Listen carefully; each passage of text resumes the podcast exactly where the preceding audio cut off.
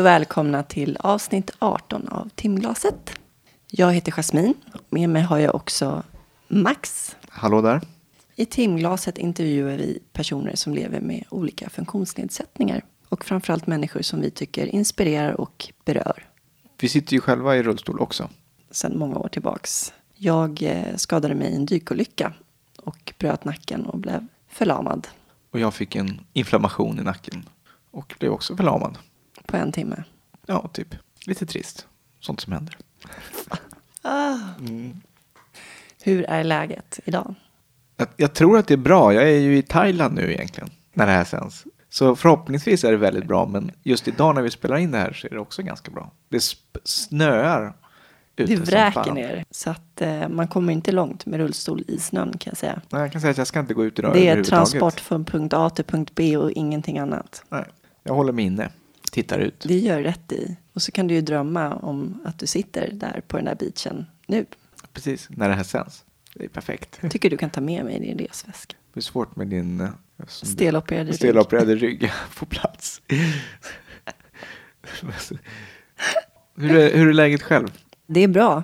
Jag har haft två intensiva dagar här. Vi har bland annat haft tjejkväll på Spinalis. Vad innebär Mycket det? trevligt. Då är det kvinnor med ryggmärgsskada som träffas och så har vi olika teman. Vad var temat nu då? Temat var underkläder. Vi bjöd in en expert som har en butik som heter Kvinnligt Under och eh, är riktigt duktig på det här med vilka storlekar man ska ha för att få den bästa passformen. Specifikt för om man sitter ner eller Nej, överhuvudtaget. var det lyckat? Det var riktigt lyckat. Det var 25 deltagare. Man fick lite så här giveaways, leggings och grejer. Bra grejer. Mm.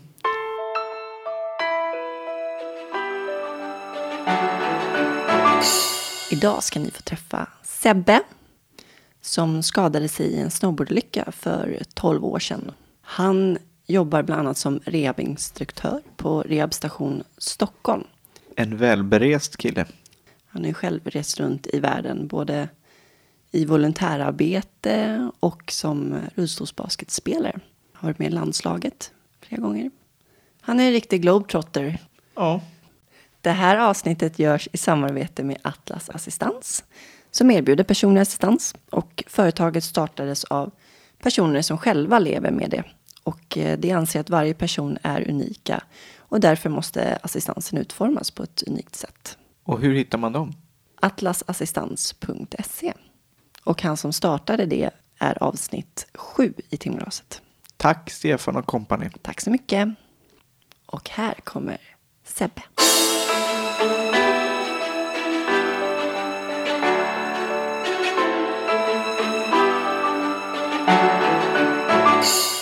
Hej Sebbe och välkommen till timglaset. Tack så mycket. Det känns kul att ha dig här. Ja, det är kul att vara här faktiskt. Hur är läget? Jo, allt är bra. Boka skidresa precis, så det känns bra. Ska åka till Kittelfjäll med en kompis. Vad gör du då när du åker på skidresa? Då brukar jag brukar åka till Kittelfjäll.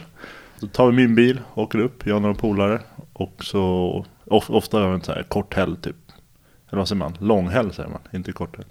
Så torsdag till söndag så åker vi lite. Så åker sitski. Hur är det att åka sitski? Det är skönt, det är samma känsla ungefär som eh, att åka vanliga skidor. Så det är verkligen en skön känsla och frihetskänsla tycker jag. Alltså, Kittelfjäll är bra, det är mycket, det finns både vanliga backar och så finns det så här lite opistade backar som är lite mer utmanande och roliga. Är det svårt? I början är det svårt, men när man har lärt sig det så jag har en så pass bra sitski nu också så nu, det, det funkar verkligen bra med, och man kan både åka vanlig lift, eh, ankarlift och eh, sittlift med den. Så det, man, man tar sig i de flesta skidsystem ganska bra. Så det är perfekt. Så åker man med en bra skida under så det är riktigt skönt. Vad har du gjort idag? Idag har jag jobbat på Rehabstation Stockholm. Där jag jobbar som rehabinstruktör. Och eh, tror jag halva dagen på förmiddagen så körde jag lite pass. Jag körde ett spinningpass. Och sen så på eftermiddagen hjälpte jag en tjej som också ville intresserad av att åka sitski. Så tog jag med mig min sitski till jobbet. Så fick hon provsitta den.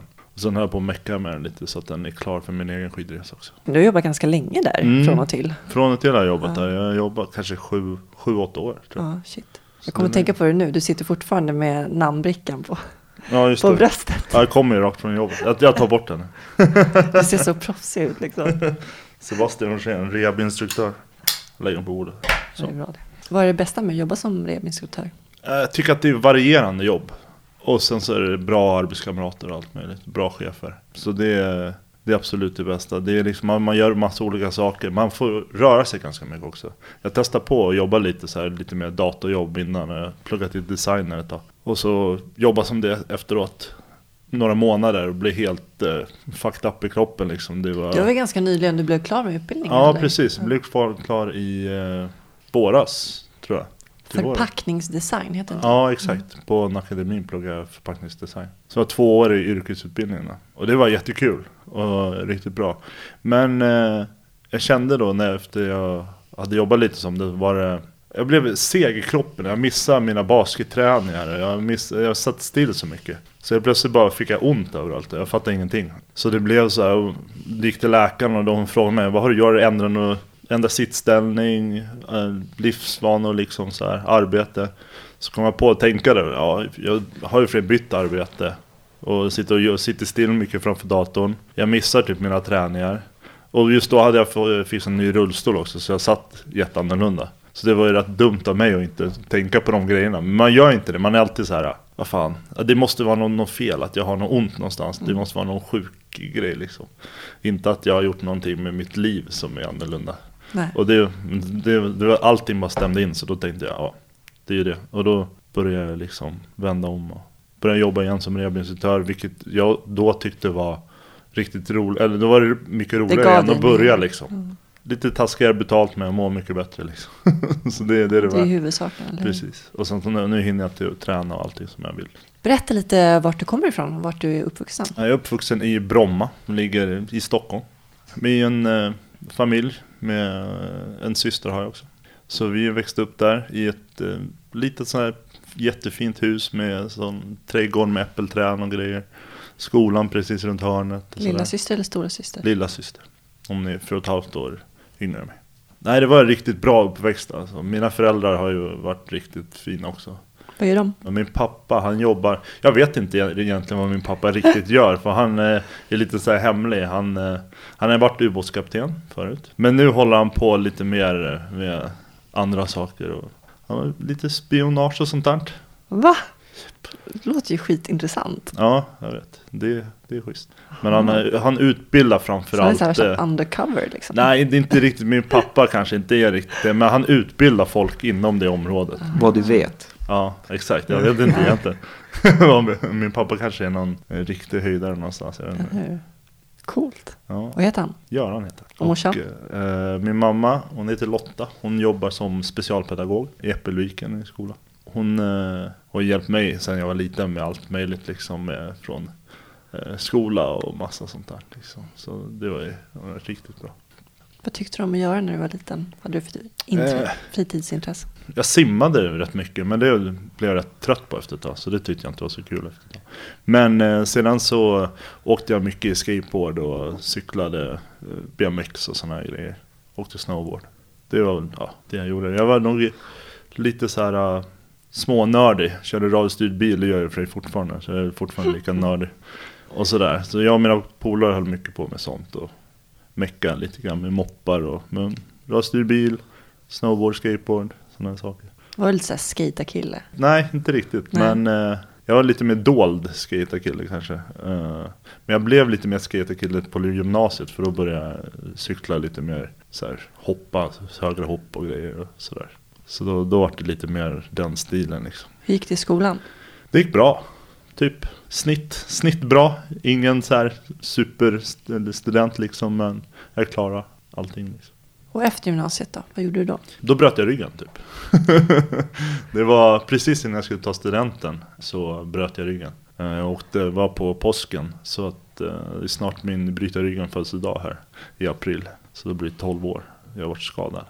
Är det så länge? Mm, det är tiden, time flies Har vi alltså. känt varandra så länge alltså? Ja, jag tror det. För det känns som att du var hyfsat nyskadad eh, när jag lärde känna dig. Ja, Du har inte varit skadad så länge, kanske två år. ja typ. Så måste det ha varit. Berätta om din olycka. Mm, det var, var uppe i Åre på påsken. Jag var 19 år. Och eh, så hade jag typ, hela sommaren hade jag tänkt att jag skulle göra en bakåtvolt på min snowboard. Det är coolt liksom. Jag vet att jag kan göra det i vatten och på studsmatta och sådär. Har gjort det på sommaren där någon Typ. Inte så jäkla mycket egentligen, inte te- provat så mycket. Men det var, jag tänkte det är ju inte så jävla svårt att bara göra en bakåtvolt. Det är ju bara en snowboard under. Det är ju bara att slänga sig bakåt som man gör på vanligt liksom. Jag bara sitter och nickar ungefär som att jag förstår vad du menar. Men ja, okej. Ja men så gjorde jag det, men så åkte jag halvvägs och sen så när jag var upp och ner i luften här, så det största hoppet där i, i Åre, i deras, eh, då Bräcke heter det, det är deras hopp. Där alla hoppen är och rails och sånt där. Snowboardpark eller vad man ska kalla för.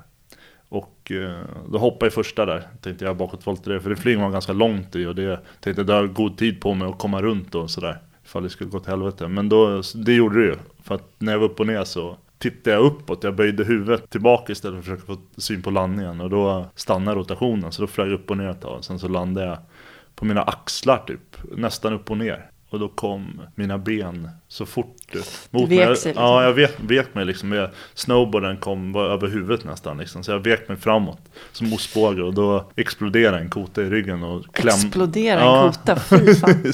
och så klämde den min ryggmärg. Vad tur, den slet inte av den eller något sånt där. Den hade inte läckt någon spinalvätska eller något sånt där. Så att eh, läkarna visste inte riktigt hur det skulle gå först. Men Gick sådär va? ja, precis. Jag sitter ju kvar. Jag sitter ju här nu liksom i rullstolen.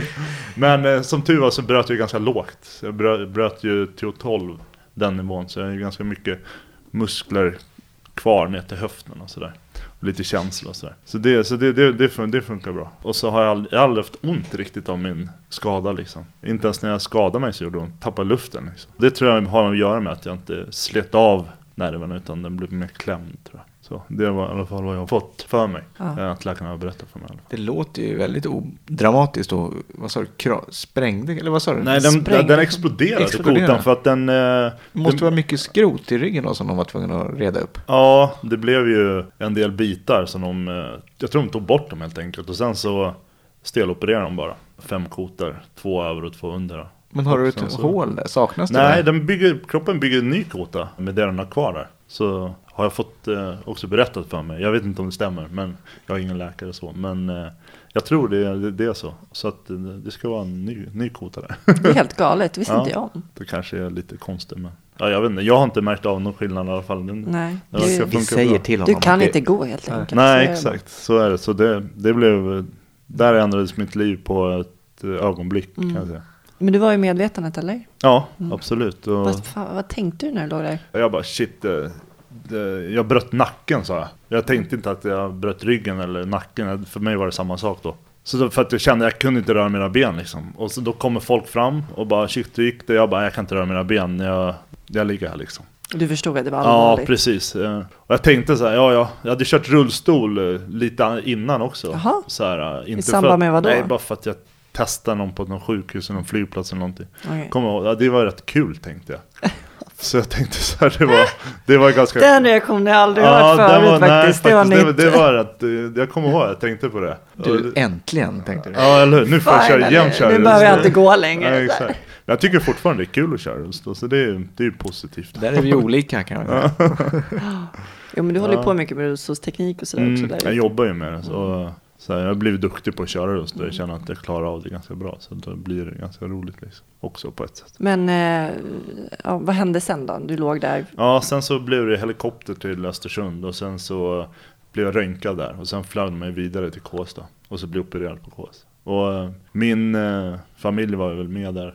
Jag har inte riktigt koll på, jag brydde mig inte så mycket om dem. Jag visste att de kom med någonstans liksom. De, jag träffade på dem i, i Östersund typ ett tag där. Då var man rätt drogad och sådär. Sen så eh, uh, flögs jag vidare till KS. Vi hade varit i Åre några dagar. Men det blev väl en...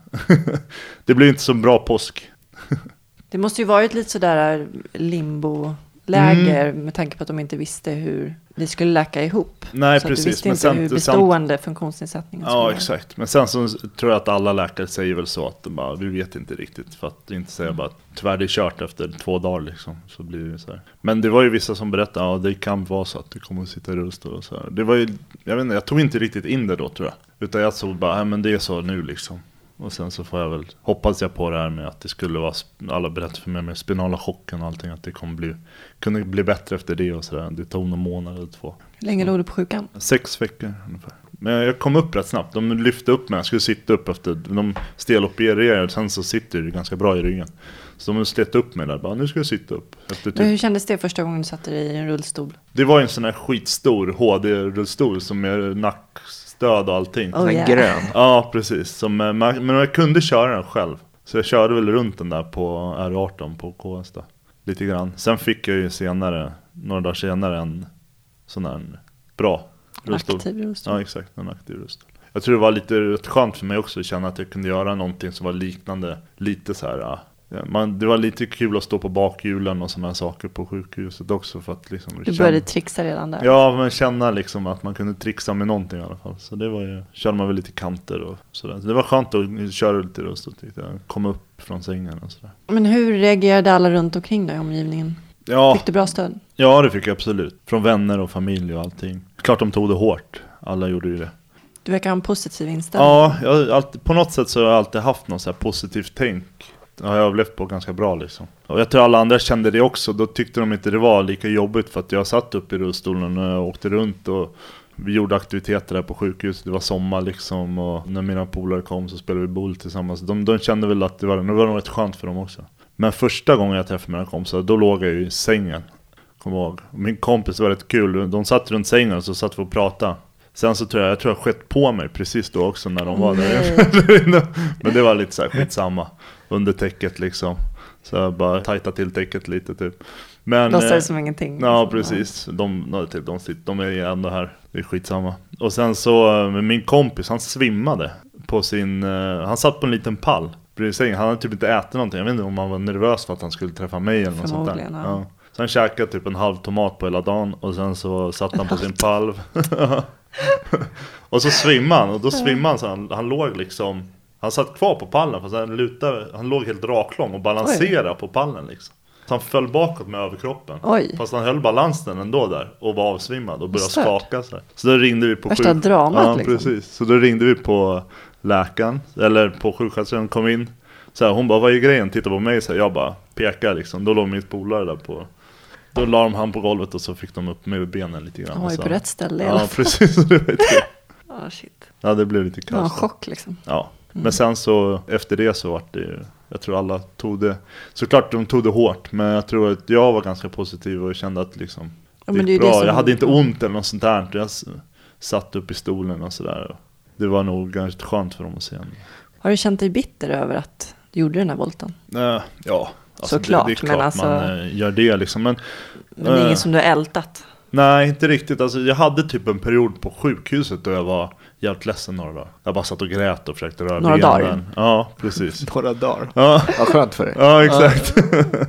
ja, nej men då var jag riktigt och försökte röra benen och så, men sen var det så här, skitsamma, det är så nu, nu kör jag med rullstolen liksom. Och alla snackade om att ah, du, du får din depression senare, det kommer vara så, nu är det chockfas liksom och så här. Men det, jag vet inte, den har inte kommit riktigt. Det är någon dag sådär då och då jag känner, fan det är nu lite segt att sitta i rullstol, men jag vet inte, jag har inte riktigt eh, fått det. Jag har på något sätt blivit positiv över allt annat som jag har. Liksom, genom min olycka så har jag träffat så mycket sköna människor och det har blivit liksom något positivt av det. Liksom. Och sen så är det såklart skitjobbigt att inte kunna gå ibland. Liksom, sådär. Så på ett sätt tycker jag det är jobbigt men så här, i efterhand när det har gått så här lång tid då, då känns det som att det är lite skitsamma nu. Det är mitt liv som är nu liksom. Så det är lika bra att göra det bästa av det. Typ. Göra det bästa av det, vad betyder det? Jag vet inte, det var ju typ eh, Efter jag skadade mig så började jag plugga ganska snabbt. Jag började plugga någon så här konstig linje uppe på Östersund. För att göra någonting? Ja, typ. eh, Så här, jag var såklart rehab och sådär ett år ungefär. Sen efter det så åkte jag upp till Östersund, flyttade upp dit, bodde där i två år. Pluggade något som heter sportteknologi som var, man utvecklar prylar som förhöjer upplevelsen av någonting. Typ ett tält med någon skön funktion eller typ ett belag till en snowboard som är bättre eller typ en schysstare snowracer gjorde vi till exempel som var riktigt grym liksom. Så det var lite mer som en skoterupphängning med stötdämpare och sånt där. Så det var ju lite så här, det låter ju skitkul men sen så kom matten och då pallade inte jag det. Så då hoppade jag av. jag orkade inte med all matte och sådär. Och sen så tyckte jag den linjen var lite konstig för första året. Den gick och alla lärare var lite så här. De hade inte riktigt koll och jag trivdes inte så mycket i Östersund heller. Så jag flyttade upp dit med en tjej jag var tillsammans med då. Sen gjorde vi slut efter två år. Då drog jag bara hem direkt alltså. Och eh, så drog jag rätt snabbt efter det, drog ut och reste eh, till USA, körde en roadtrip med mina kompisar. Åkte från eh, Seattle ner till San Diego och tillbaka igen. Så vi körde en riktig roadtrip där på, genom Kalifornien och allting. Och det var, det var nog just då, det var typ tre, tre år efter jag skadade mig. Det var nog då först, för innan tänkte jag så här, nu har jag kommit över min skada. Men det var just då tror jag jag riktigt kände att jag hade kommit över den. För det var nog bland det roligaste jag hade gjort i hela mitt liv just, just då. Och då satt jag i rullstolen då liksom. Och det var ändå roligare än något annat jag hade gjort. Och då kände jag så här. Det var bara något som gick upp för mig typ några dagar efter jag kom hem. Och då var det så här. Det är okej. Mm, då släppte det på något sätt. Körde ni Highway 1 1 längs Ja. Alltså det var ju vidrigt. Ja, det var riktigt fint. Ja, det var ju Jag, det hade, brant ju, jag alltså. hade ju dödsångest. Ja. 50, fem timmar dödsångest. Ja, den är smal på vissa ställen eller sådär. Ja, hemskt. Ja. Det, är, det är fin utsikt men det är jäkligt, eh, den slingrar sig ganska mycket. Det var riktigt obehagligt. Ja. Redwood var coolt tycker jag med alla träden och allting. Jag var inte där. Ja, det var, var riktigt häftigt alltså. Nej men det var, ja det var en riktigt bra resa. Du fick mer smak för resan. Ja, verkligen alltså. Det, så, sen efter det så har jag börjat resa ganska mycket när jag märkte att det inte var så stort problem. Det är många som känner det, att det är jobbigt att komma ut och resa och sådär. För att Mm, man, vet, är- man vet ju inte riktigt hur det funkar. Men nu för tiden funkar det ganska bra med flygplan och de hjälper en på flygplatsen mycket och komma på planet av och på och sådär. Hur går det till? Ja, Jag tar min egen rullstol till gaten efter man har checkat in allting. Sen så kommer det två stycken eh, brandmän eller något sånt där. Jag vet inte vad, vad det är för Nej, men det är ju assistanspersonal som assistanspersonal som utbildad. jobbar där Mm. på flygplatsen. De eh, hjälper en att flytta över till en eh, pirra kan man säga. Med en sits på. Så sitter man på den och så kör de in den till en säte och så hoppar man över eller de hjälper den över till sätet. Sen sitter man där. På nästa flygplats där man landar så kommer det två nya med samma stol.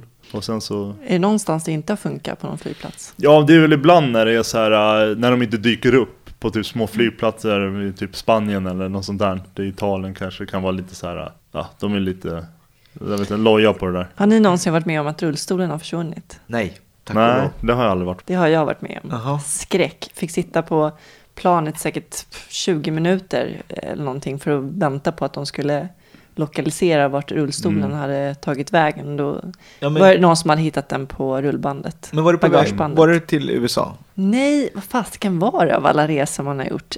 Fan, jag kommer inte ihåg. För att i USA så vill de ju alltid att rullstolen ska tas till Mm. bagaget. Även fast man Precis. säger till. Ja, jag vill ha den vid gaten. Så då så får man ofta en sån här gammal sjukhusrullstol som man, Alltid. de Det, det är den. hemskt. Ja, men det har ju man ju åkt i några gånger också. Ja, när den har hamnat där på rullbandet. Men just här var ju liksom panik att de inte visste vad den var. Ja men det är ju ibland det kan hända sånt där. Jag har aldrig varit med om det och för mig har det funkat bra liksom med att flyga och sådär. Men det är som sagt, ja, ibland så ligger de säger att rullstolen kommer på bandet, du får hoppa i den här rullstolen. Så har de någon som kör den till bandet då liksom. Det är alltid roligare att köra sin egen rullstol liksom, att bli körd. Ja, det är klart. Oh ja. Mm. Det är förnedrande. Mm. För en rolig grej när jag var i eh, precis med skolan nu, med, eh, när jag pluggade som förpackningsdesigner, då åkte vi hela klassen till Paris för att kolla in, det mycket kultur och sånt där. Få lite inspiration inför vissa grejer vi skulle göra sen. Då bodde vi på ett riktigt så här, rätt risigt eh, hotell, hostel sådär. Vi bodde fyra grabbar på ett rum med så här våningssängar. Jätteliten toa, kom precis in med rullstolen på något sätt när jag bara hoppade och sidled och backade in och grejer liksom. Men eh, duschen kom jag inte in i så då fick jag sätta mig på golvet i duschen liksom. Göra en askonstig förflyttning in där liksom. Så sitter jag tvåla in mig och allting precis då, det är ju typ fjärde våningen upp och det är någon jätteliten hiss där och så är det sådana här jättekonstiga trappor som har snea utanför liksom. Och så precis då går brandlarmet. Nej. Och sitta helt naken och bara så här, det, alltså, det tar ju typ bara komma ur den där duschen tar ju hur lång tid som helst. Jag bara fuck, hoppas jag. Min, min polare han får, helt, han får helt panik och bara Sebbe du måste ut, du måste ut nu. Jag bara sitter jag bara ta det lugnt, ja, jag har tvål överallt. Så jag bara skitsamma, jag bara torkar av mig med handduken med tvålen. Hoppar upp i russen så snabbt jag kan, bara rulla ut typ helt näck. Dra på, mig ett par kallingar liksom. Så kommer ut genom dörren så här. Då slutar brandalarmet. Falskt alarm, Ja, liksom. falskt alarm. Det var, någon, det var någon så här köksgrej som hade gått av liksom. Det ryker lite i köket eller någonting. Men ja, det var ju surt på ett sätt, men då var jag tacksam över att jag slapp liksom glida ner i kallingar Eller hela klassen liksom och stå där ute och frysa för det är rätt kallt i Paris då. typ 10 grader. Det är ju min stora skräck att vara med. Ja. Han Ja, hamnar i en brand fan. på riktigt. Det är Jag nog de på flesta det. stora skräck tror jag. Ja, jag tänkte på det efteråt verkligen att så här, tänk om det skulle vara så här sjuk brand på nedervåningen liksom. Då skulle man ju bara, vad skulle man Man är gjort ganska körd. alltså. Och det där hotellet var ju bara trappor och heltäckningsmattor överallt liksom. Och så trätrappor. Liksom. Rullstolsbasket. Mm. När kom du igång med det? Det var också rätt snart in på min skada jag provade på lite grann så här, och spela med Norrbackas eh, utvecklingslag. Sen efter ett tag så jag spelade mer och mer och tyckte det var riktigt kul och bra träningsform och allting. Jag har aldrig varit någon så här som, som hållit på med lagidrott förut eller någonting. Jag körde oftast mest själv liksom. Det tyckte jag var hur bra som helst och jättekul. Framförallt så är det mycket folk som har varit suttit i rullstol längre än en själv. Så man, man lär sig mycket av, av dem också liksom. Så det var kul att åka iväg på, runt Sverige och spela basket. Och man lärde sig mer och mer och till slut blev man ganska duktig och sådär. Så kom jag med i landslaget efter ett litet tag, eller ganska långt tag. Och sen så vart nere i Turkiet och spelade EM och sådär. Och sen så var jag nere i Italien en sväng också som lite halvproffs sådär. Och spelade... Halvproffs. Ja, jag vet inte vad man ska säga, man får lite pengar och får man en lägenhet som man kan bo i där. Så jag var i Reti, heter det, ligger mitt i Italien. Och sen så, det var kul, var där i fem månader ungefär. Vad hette laget? Arota Libera heter det. Så, men det var, Det är var, inte så vanligt att man blir inköpt sådär. Nej, inte jättevanligt. Inom basket så händer det faktiskt. Om du är någorlunda duktig så kan du komma till, jag spelar ju andra divisionen i Italien. Så man kan komma till andra eller första. De har, det är ganska stort där nere. Det är mycket folk på matcherna som jag kollar och det, folk tycker det är kul liksom. Och, så här i Sverige när man spelar, då sitter några på läktaren liksom. Ja. Men, det är en helt eh, annan grej. Ja precis, men eh, ja, nej det, det var kul. Det var, en- jag tänkte det var en bra upplevelse också. Speciellt när det var liksom så här. Man fick lite pengar för det. Man fick gratis boende, lite käk då och då. Så att jag körde ner min bil dit ner och så bodde jag tillsammans med en polack och min dåvarande flickvän då.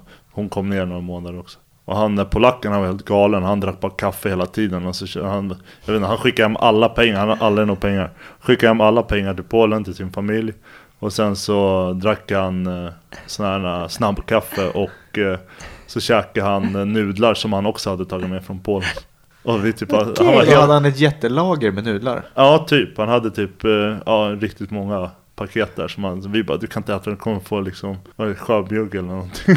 så här, och blir liksom Värsta stashen. ja. hur, hur var- länge var du där? fem månader ungefär. Hur var det att bo där då? Det var annorlunda. Det var, det var kul. Bodde i rätt schysst eh, så här, tvåvåningshus. Vår lägenhet var på undervåningen, sen var det någon annan som bodde över oss. Och sen så eh, tränade man någon gång i, per dag typ. Eller när det i alla fall var På helgerna var vi lediga. Eller varannan helg var vi lediga. Och sen varannan helg var det match. Så då åkte man någonstans i Italien eller så var det hemmamatch då.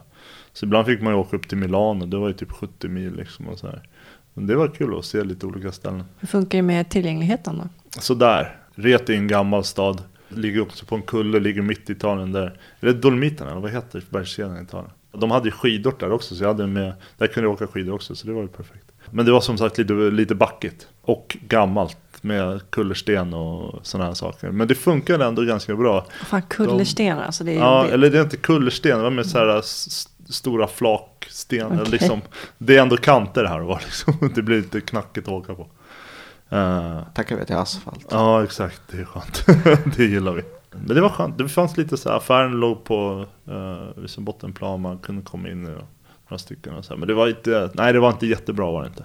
Det är så, det är Italien, de här gamla städerna som är från romartiden. och så. Hade de mycket pengar i sporten där då? Eftersom det fanns... Ja, det finns, de har mycket mer sponsorer och det är mycket större. Vissa matcher går på tv. Inte i andra divisionen så mycket, men i första divisionen så går ju nästan alla matcher på tv och sådär. Man kan kolla. Så det är mycket större nere. Det finns mycket mer pengar och folk jag vet de satsar mer Hur på kan det komma sig att de tycker det är Det så är en kul? annan status. Ja, det är en annan status och sen så, även fast jag tror att sitta i rullstol i Italien tror jag inte är, liksom, där, där tror jag att folk kan vara lite sådär. I alla fall då tyckte jag att det kan vara lite folk sådär. Fördomsfullt. Ja, lite fördomsfullt. Inte att de tittar ner på den eller något sånt där, men att då, man blev lite så daltan med kanske, eller något sånt där. De eh, ville hjälpa en hela tiden och sådär, trodde inte man klarar saker själv liksom. Men det är väldigt konstigt då att de har en sport som plötsligt är Mm. Det, är, tv-sänd. det är jättekonstigt. För, men folk eh, tyckte det var kul att se den sporten liksom. De tyckte att rullstolsbasket var bra. Och det var, kom publik liksom. Mm, absolut. Det var mycket folk. Så det var bra. Men hur kändes det då att komma tillbaks från det och fortsätta med Rösos basket här? Det kändes bra för att eh, jag var, längtade hem ganska mycket. Och tyckte det var skönt att vara hemma i Stockholm. Jag har alltid varit så. Jag har varit bort, borta, varit utomlands ganska mycket och, och lång tid också. Så här. Var i Australien i tre månader ungefär. Och sen så där i Italien i fem månader. Jobbade som volontär i Mexiko och då var jag borta i sju och en halv månad. Då jobbar du med funktionsnedsatta barn, eller hur? Nej, ja, Nej. Det, det, var, det var några ungdomar som bodde där. Som hade grov autism och sådär. Som folk hade lämnat dit av, alltså föräldrar. Som känner att de inte kan ta hand om sina barn. Så har de, alltså, de kom dit när de var små barn. Och nu, har, de- nu är de ju, Barnhem typ. ja precis. Fast nu, nu, de som bodde där var ju fyra stycken. De var ju runt 20-25. Som hade bott där hela sitt liv liksom. Men de har ju också rehab och läkare och sånt där. där folk kommer, dels kommer utifrån byarna och eh, får rehab och träning där. Plus att de har så några så här, inneliggande som, eh, som bor där, som är på rehab där och, och bor där. Liksom. Men det är inte som eh, här i Sverige på rehab utan det är några hyddor liksom där folk bor nu.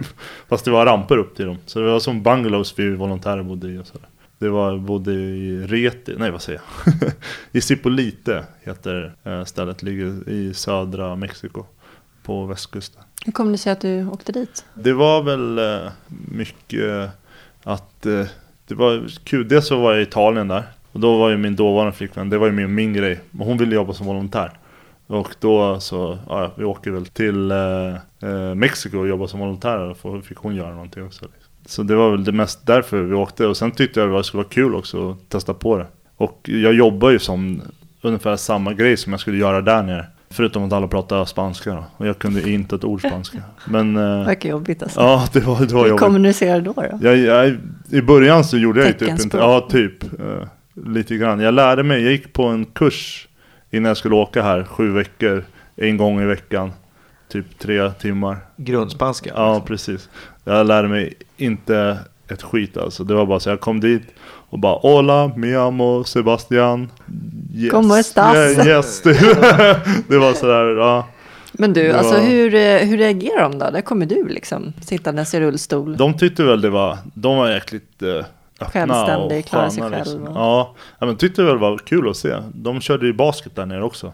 Så jag tog med mig min basketrullstol, så jag spelade ju med deras lag. Och den lilla staden, Cipolite, hade ju ett helt team. För att runt den byn, och liksom där rehabet är liksom alla restauranger och sånt där som ligger längs med vattnet där. För det är som en liten gata och så ligger lite hotell och sånt där. Det är inga fritidsresor kommer inte hit utan det är bara privatägda hotell som de har.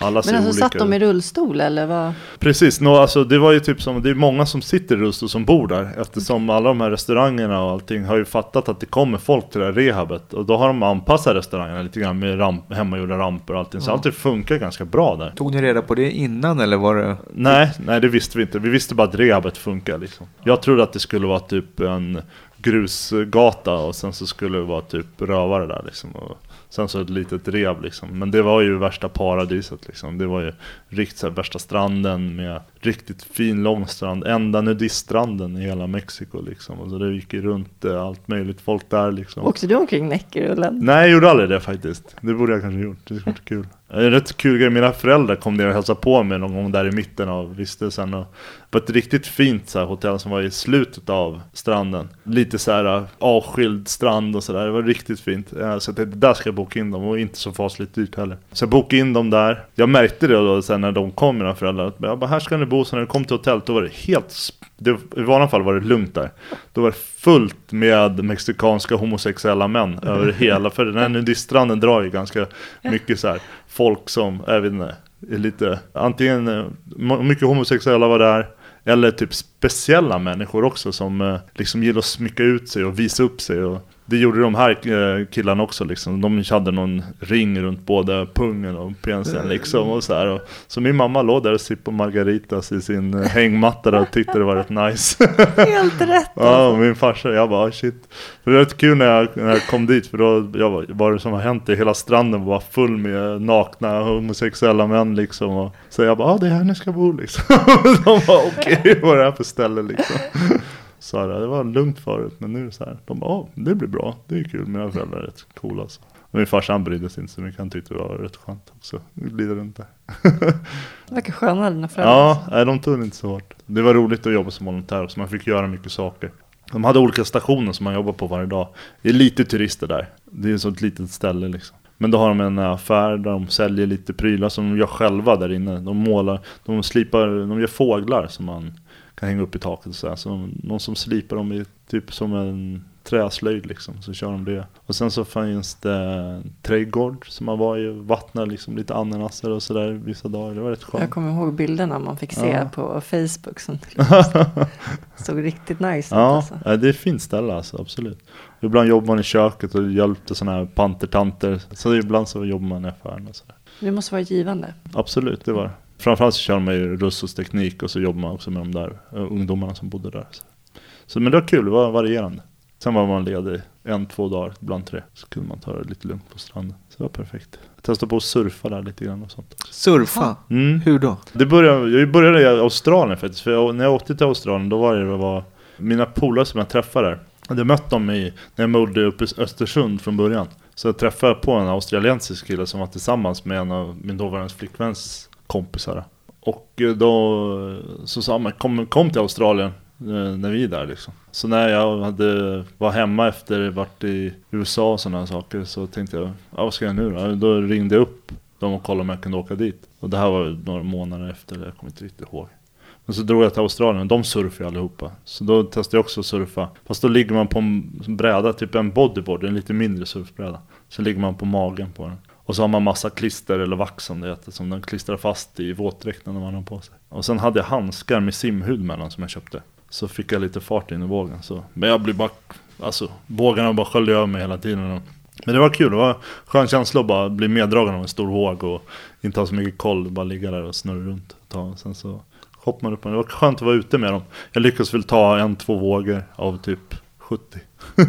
Var det inte någon gång som du blev neddragen och hade svårt för att... Jo, men de var runt omkring där allihopa. Så det kändes att de berättade hur jag skulle göra. Man- Jag skulle bara slappna av i Mm. vågen och spara Man, det känns som man är under kanske en minut, men egentligen så är det bara 5-10 sekunder.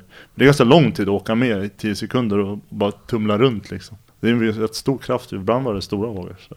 Ja, som med en- lama ben liksom. Låter som Ja. en mardröm. jobbigt. Ja, nej men det, det funkar. Det kändes bra. Man blir ju trött såklart direkt alltså. Det var ju, men man, när man fattade hur man skulle simma så var det bra. För de har sådana, när vågorna går in mot stranden så åker alltid ut någonstans. Där folk brukar hamna och drunkna ibland i sådana utåtströmmar. Men de siktar man på att vara i. Och på vissa ställen eh, var det alltid en utåtström på ett och samma ställe jämt. Så då, där bryter inte vågorna lika mycket också. Så då simmar man in i den och så förs man ut förbi vågorna. Och sen simmar man ur strömmen. Så man kommer in, sen simmar man mot vågorna igen. Så, det, så då behöver man inte göra av med så mycket energi. Så det var bra. Du, du verkar väldigt orädd. Har du alltid varit det? Ja, kanske. Jag vet inte. Det är väl hjälpt mig eftersom jag bröt ryggen på grund av det. Och sen så har det varit skönt också för man lär sig saker snabbare. Vad är det galnaste du har gjort? Det är väl typ, eh, ja när bakåtvolten var inte så smart kanske. och sen så... Men som rullstolsburen? Ja, men, ja, det kanske skulle vara surfa då. Det är inte riktigt det man tänker att man ska göra. Nej, men det funkade faktiskt bra. Det var kul att vara ute där. Jag gillar adrenalin och sådär. Det är svårt att få tag på det liksom. Eller känna det. Så därför åker jag och jag får det då liksom. Jag tycker det är bra. Jag gillar det. Du känns som det. en kille som inte ser begränsningarna. Utan du testar gärna på. Liksom. Ja, man märker väl om det funkar eller inte liksom. Men ofta så, ja. Nu har man gjort ganska mycket och man har mycket grejer som inte funkar. Man har suttit på röven några ställen och hoppat hit och dit. Och det blir fan jobbigt i längden alltså. Nu för tiden vet man ju vad som funkar och då kör man liksom på det. Om man åker på semester så vill man kanske ha ett hotell som funkar liksom. Jag blir gammal och bekväm. Ja, jag tror det. Tror, Jag tror du faktiskt att det. eh, du kanske hade svårt att acceptera det? Att det, det var begränsat vad du kunde göra? Ja, kanske. Man märkte ibland så vart det så här, shit det här funkar fan inte, skit i det liksom. Ibland så var man, fick man ju vara där på det stället där det inte funkar så bra. Då var man ju lite irriterad såklart. Men nej, jag har väl alltid typ hängt på liksom och försökt liksom att köra på de ställen där jag kan, där jag känner liksom, om, jag, om, om det är någonting som är jobbigt liksom, försökt eh, ta mig igenom det ändå liksom. Men Sen ofta så är det, i i huvudet så känns det jobbigt. Men sen när man väl har gjort det så kanske det funkar bättre än vad man trodde från början.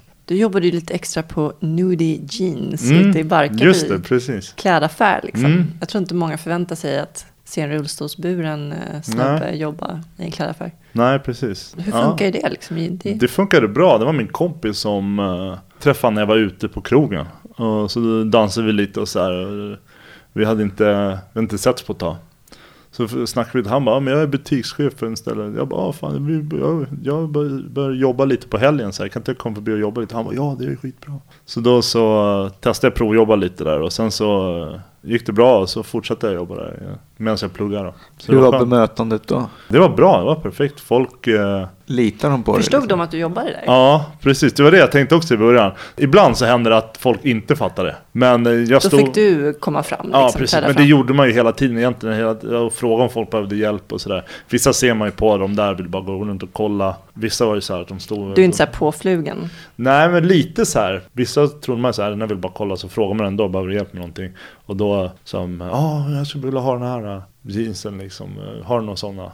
Så man, men jag lärde mig mycket om jeans och sådär. Det var just då också det blev så här äh, riktigt, eh, alla höll på med jeans som fan. Man skulle ha jeans, man skulle lite tvätta dem. Du vet, det blev en sån våg för några år sedan. Jag tror fortfarande det är lite så här denim och det ska vara otvättat och det ska vara allt möjligt liksom. Man ska ha dem på sig i tre år utan att tvätta dem för att slita in dem som man själv ska ha. Men Var det ingen som blev förvånad när du kom fram och bara hej, vill du ha hjälp? Kanske, jag vet inte. Jag träffade på en eh, som hade varit, eh, för, för att jag var på en bar och tog en öl med en kompis och då kom en tjej fram till mig som, hade, som jag hade hjälpt och bara ah, men du, jag tyckte det var riktigt kul att du hjälpte mig och sådär. Jag, fick, jag var jättenöjd med jeansen och allt det, så det var roligt. Men jag tror folk, kanske några blev nog lite förvånade. Många tyckte inte jag det märkte så mycket på utan de var med så ja jag ska ha de här. Jag, vet inte, jag tror folk börjar bli lite mer vana vid att se folk i rullstol. Har du blivit diskriminerad någon gång? Ja, det har man blivit. Det har hänt. Eh, till exempel var på en studentskiva så hade varit dansgolvet där uppe. Mina kompisar, vi skulle gå upp då. Då var det så nej tyvärr du får inte vara här uppe för det är brandsäkerhets eh, någonting. Så det bara, nej barnvagnar och rullstolar får inte vara här uppe. Så, här, så du får vara där nere. Och där var, hände ju ingenting. Där var det ju typ så här helt dött och liksom folk satt och käkade mat typ. så det var inte så kul. Nej, du vill ju vara där alla polarna Ja, precis. Ja, du fick, de släppte inte upp dig? Nej, så vi drog alla, jag tog med, var ju alla mina kompisar bara, vi skiter i det här, vi drar till något annat ställe. Så vi drog ett helt gäng därifrån istället. Det händer väl ibland liksom. Sen så alla affärer man inte kommer in i och sådär. Det är en del av vår vardag. Ja, precis, det är så. Berätta om den där gången eh, som du berättade sist när du var på middag hos oss. När du satt i limousinen. Ja men det var lite klantigt av mig. Jag satt, eh, vi skulle, vi hade på något sätt bestämt för att ta på en limousin så vi åkte efter, vi hade varit ute, så skulle vi åka till ett annat ställe. Så jag satt där bak liksom, jag och min eh, flickvän. Och sen så drack jag upp champagnen ur glaset. och sen så tog jag och bara slängde ut det i rutan du vet, precis innan vi skulle ut. Så den krossades. Och då var det en civilpolis som bara, där, där jag släppte glaset, där stod han liksom. Var du på Stureplan eller? Ja, precis. Och sen så öppnade, så han sliter bara upp dörren och bara ut i bilen. Jag bara, ja, men ta det lugnt, jag kan inte gå ut liksom. Han bara, ut i bilen nu! Och sen så liksom bara, ja jag kan inte, jag sitter i rullstol. Så han bara, du går ut i bilen. Han trodde jag ljög liksom. Så han bara typ slita i mig så här. Jag bara, nej men jag kan inte gå, ta det lugnt. Ta, min rullstol kommer nu så här. Så att eh, min tjej hon eh, tog ut rullstolen och så höll på att sätta ihop den där så att jag skulle kunna hoppa ut snabbt liksom för den där snubben. Så när han såg rullstolen så bara, åh, åh ja, okej, ja, ja, så här. "Ja, Du gör inte om det där, det får du inte göra för annars. Han var ju nära på att nita mig först liksom. Så där la man fram rullstolskortet och kom undan liksom. Men du berättade hur du träffade din tjej Elin. Ja, det var ju lite speciellt. Vi var, eh, eh, vi träffades ute faktiskt. Sen så efter det så bytte vi nummer och började ses. Var det du som mycket. raggade upp henne eller? Ja, nej, hon började ragga på eh, mig faktiskt. Och Hon köpte egentligen en drink till min kompis som också sitter i rullstol. Sen så, så liksom, så vi dansade allihopa där och sen så blev det liksom att vi började snacka lite mer istället också. Och sen så drog vi, hon bara, jag vill göra något crazy så här. Och så skulle vi bara, "Ja, ja, vad ska vi göra? Hon bara, vi går på strippklubb. så, det, så det var ju lite galet. Så det, vi, jag och Lars bara tittade på varandra och bara, ja ja, tjej som vill gå på strippklubb, ja vi, vi gör väl det. Så vi drog på en, en här i närheten. så, efter det, det vart ju skit awkward. Jag ville ju bara sitta och, jag ville ju bara prata med henne, hon ville ju bara prata med mig. Så satt man där och hade någon, jag gjorde pole dance framför en liksom. Det var, Röv i ansiktet. ja, liksom. typ. Det var, det var ju i princip så. Men eh, sedan så, eh, efteråt så gick vi hem till mig och tog lite efterfest och då, ja, sen på den vägen ner, stannade kvar liksom. När var det? Vi hade tvåårsjubileum, nu den tredje eh, januari. Var bor ni någonstans? Bor på Sankt Eriksplan i en en och en halva. Lite litet men det funkar. 45 kvadrat. Det är ju grymt läge så det är svårt att flytta därifrån. Jättefin lägenhet. Så att det trivs man bra. Liksom. Men du, ehm, jag tänkte på lite vad du håller på med nu. Eh, dels så jobbar du ju som rehabinstruktör. Mm. Men så håller du på med något som heter Welltrips. Ja, precis. Det är en hemsida som, vi, som jag och en eh, kompis har startat. Och det handlar om, vi har det är som en hotellbokningsportal. Fast vi har bara, vi har filtrerat fram alla hotellen som har bra tillgänglighet. Så att eh, det är bara hotell med, som har bra handikapprum och hiss och sådär. Så man slipper sitta och leta efter det på andra sidor. Så utan Mm, nu det finns vi... ju ett hav av Ja, olika precis. sajter. Ja, och- exakt. Och Och det är konstigt att det aldrig har funnits i Sverige faktiskt. Nej, Alltså, precis, exakt. Så att eh, vi kände väl att det fanns ett behov.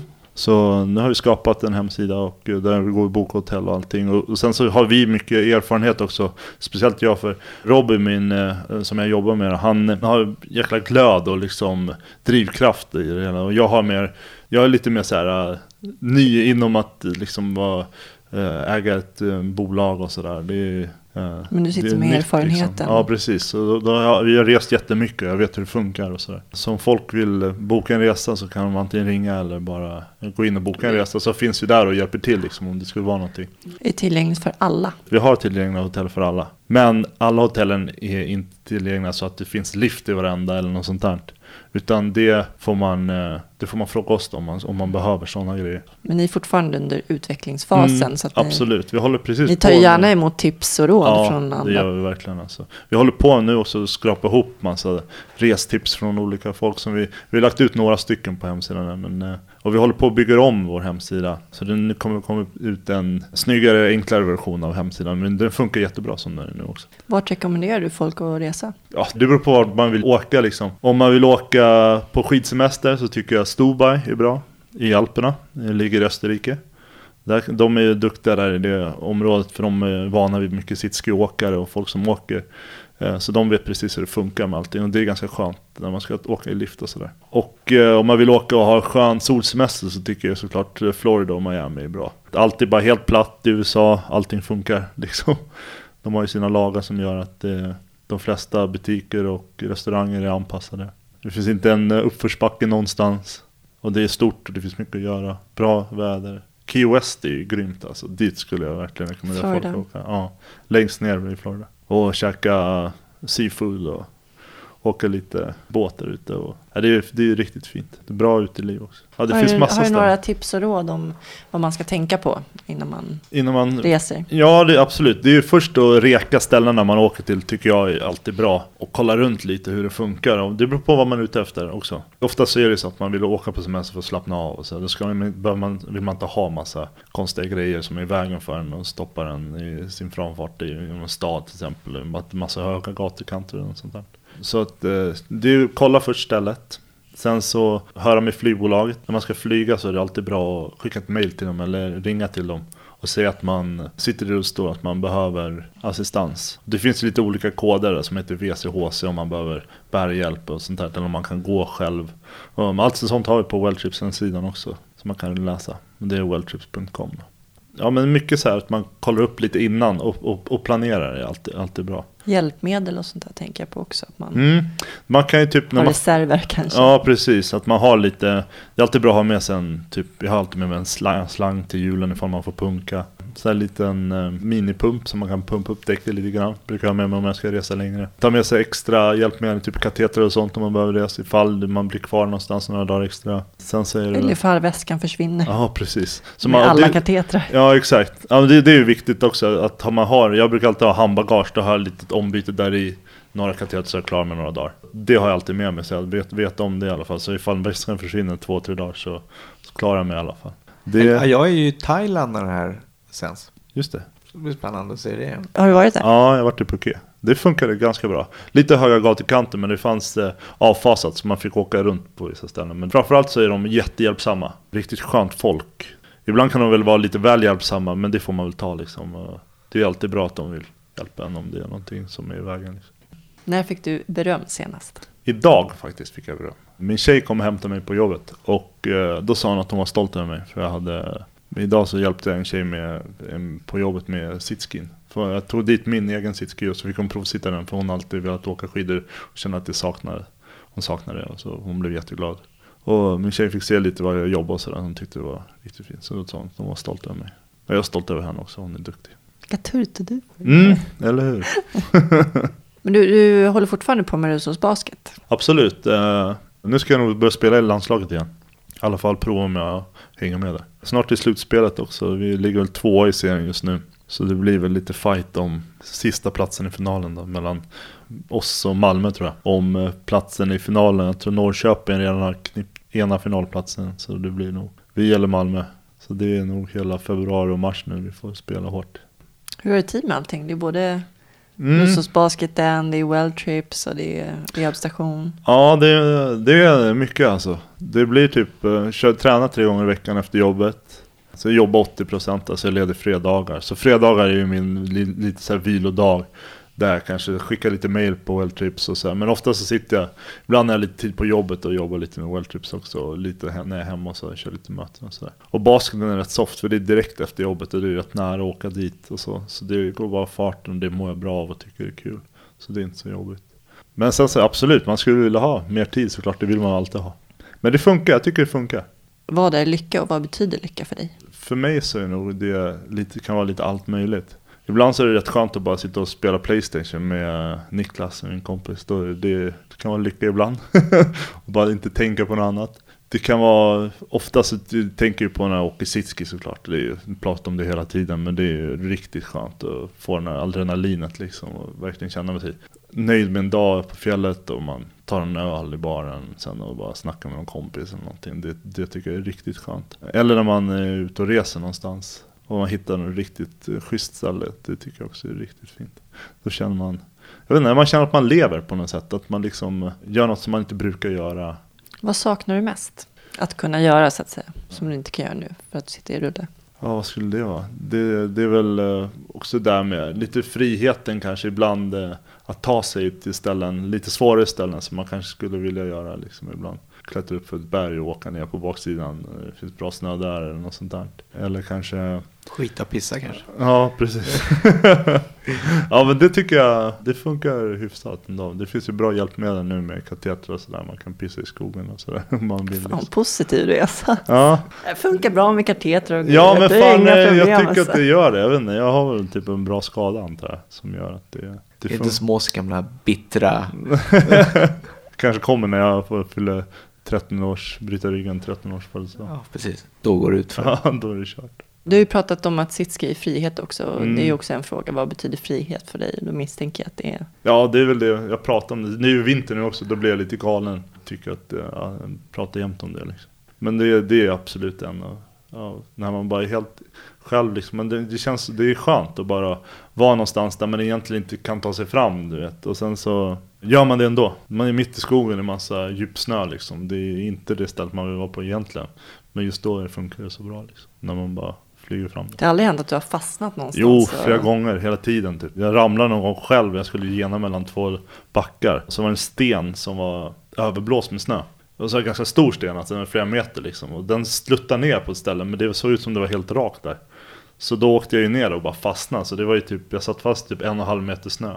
Och då sjunker ju stavarna ner i snön också, så man kan inte fånga sig. Jag tippade med huvudet neråt jäklar. mot backen, mitt ute i skogen, med ingenstans liksom.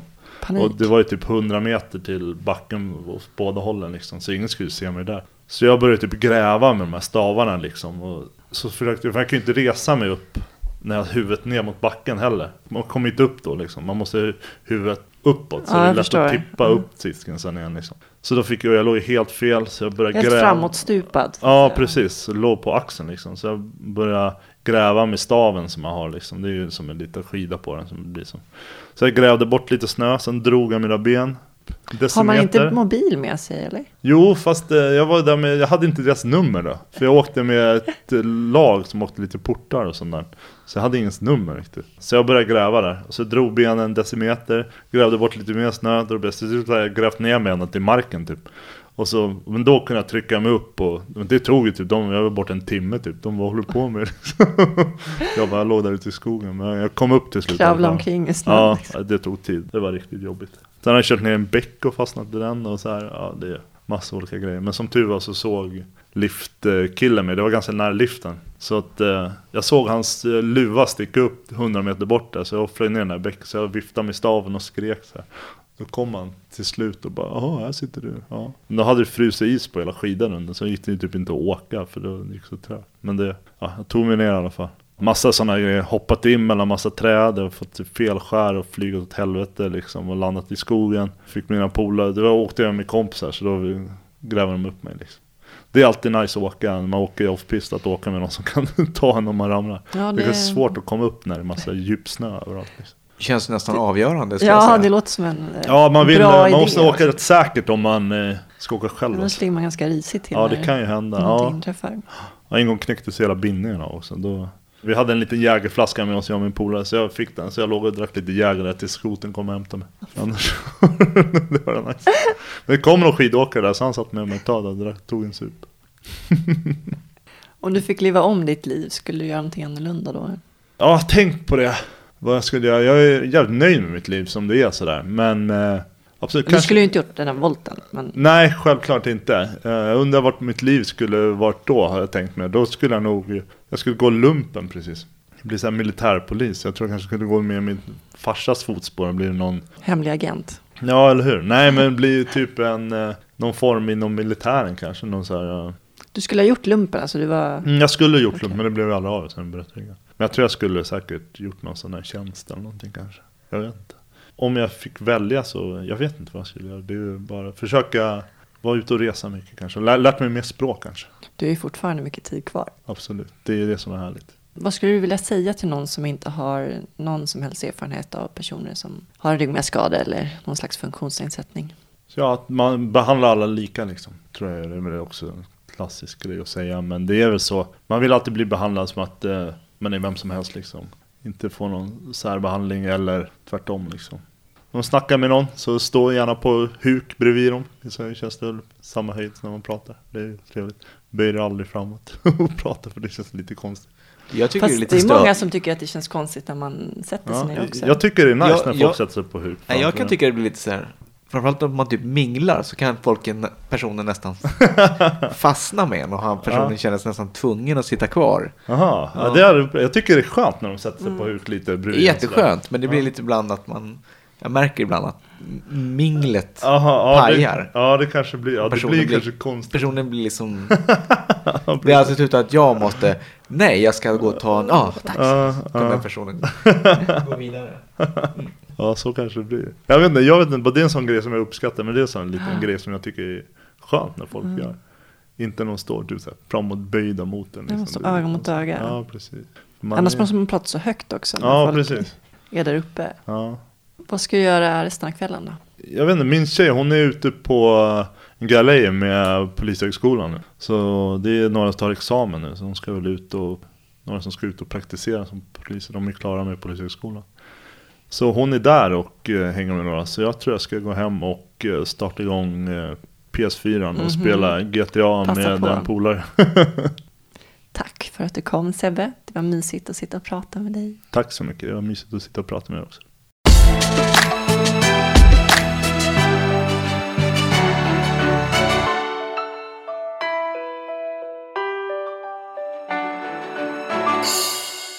Sebbe är ju inte direkt någon som ehm, ser begränsningar överhuvudtaget. Vi har, gör en serie om folk som lever med invaliditet och han verkar inte beröras honom överhuvudtaget. Det var ju lite roligt när han sa att han tyckte att det var kul att sitta i rullstol. Ja, det är helt sanslöst. För att han hade prövat innan och det verkade ju bra. Ja, det är ju kul att någon tycker att det är kul. Men han har ju grymt bra koll alltså. Men det är som du säger, inte, man tänker inte ens på att han är, sitter i rullstol. Just för att han hanterar den som att det var luft. Man blir, ju lite, man bra. blir ju lite avundsjuk, måste man ju säga. Ja, Varför man nu ska vara avundsjuk på honom, man kan väl lika gärna vara avundsjuk på någon som kan gå i så fall.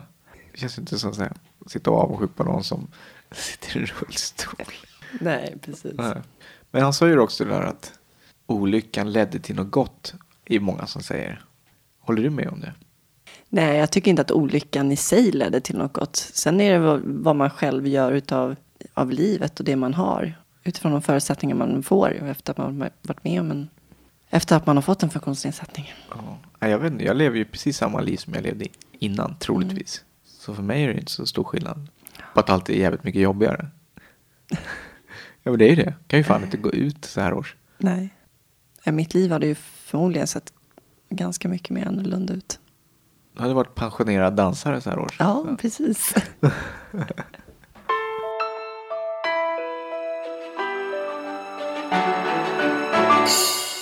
Vi har en hemsida där ni kan lyssna på alla avsnitten. timglasetpodd.se och ni kan kontakta oss på kontakt timglasetpodd.se. Och vi finns även i sociala medier. Hashtag timglasetpodd.se. Nej, inte .se. Nähä, Hashtag timglasetpodd bara. okej. Det här avsnittet görs i samarbete med Atlas Assistans. Tack Atlas. Tack Återigen. så mycket. I nästa avsnitt så får ni träffa Sanna. Hon jobbar på färdtjänsten och är ensamstående med två tonårsbarn. Det började med en förkylning som sedan visade sig vara en hjärtmuskelinflammation. Som ledde till amputering av ena benet och hjärttransplantation. Trycksårsoperationer. Hon har nio liv kan man lugnt säga.